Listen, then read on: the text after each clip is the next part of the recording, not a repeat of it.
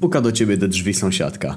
Studentka 8 na 10. Otwierasz, a ona do ciebie tak nieśmiało, że chciałaby pożyczyć cukier. Mówisz jej, żeby weszła do środka, bo na klatce zimno, a ona w samym szlafroku. Powiedziała, że jesteś taki miły i troskliwy. Zamykasz za nią drzwi prowadzisz ją do kuchni, bierzesz szklankę i zaczynasz powoli przesypywać. Wtedy ona łapie ciebie za ramię i mówi do ciebie, że chłopak ją rzucił, że był skurwielem. Myślisz sobie, rzucił ją i nie ma kto teraz iść po cukier do sklepu. Stąd ta wizyta.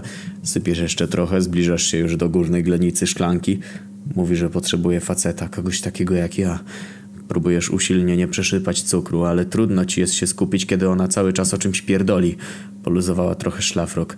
Ciągnie ciebie za rękę i mówi, że u niej na dole nie ma rodziców i że KURWA! Przesypałeś. Cały blat stołu pierdolony cukrem. Wyciągasz z szafki drugą torbę cukru, ciszkasz go do rąk tej szmaty, mówisz do niej, żeby brała ten cukier i wypierdalała. Zamykasz za nią drzwi. Kobiety bez mężczyzn to jednak gówno umieją.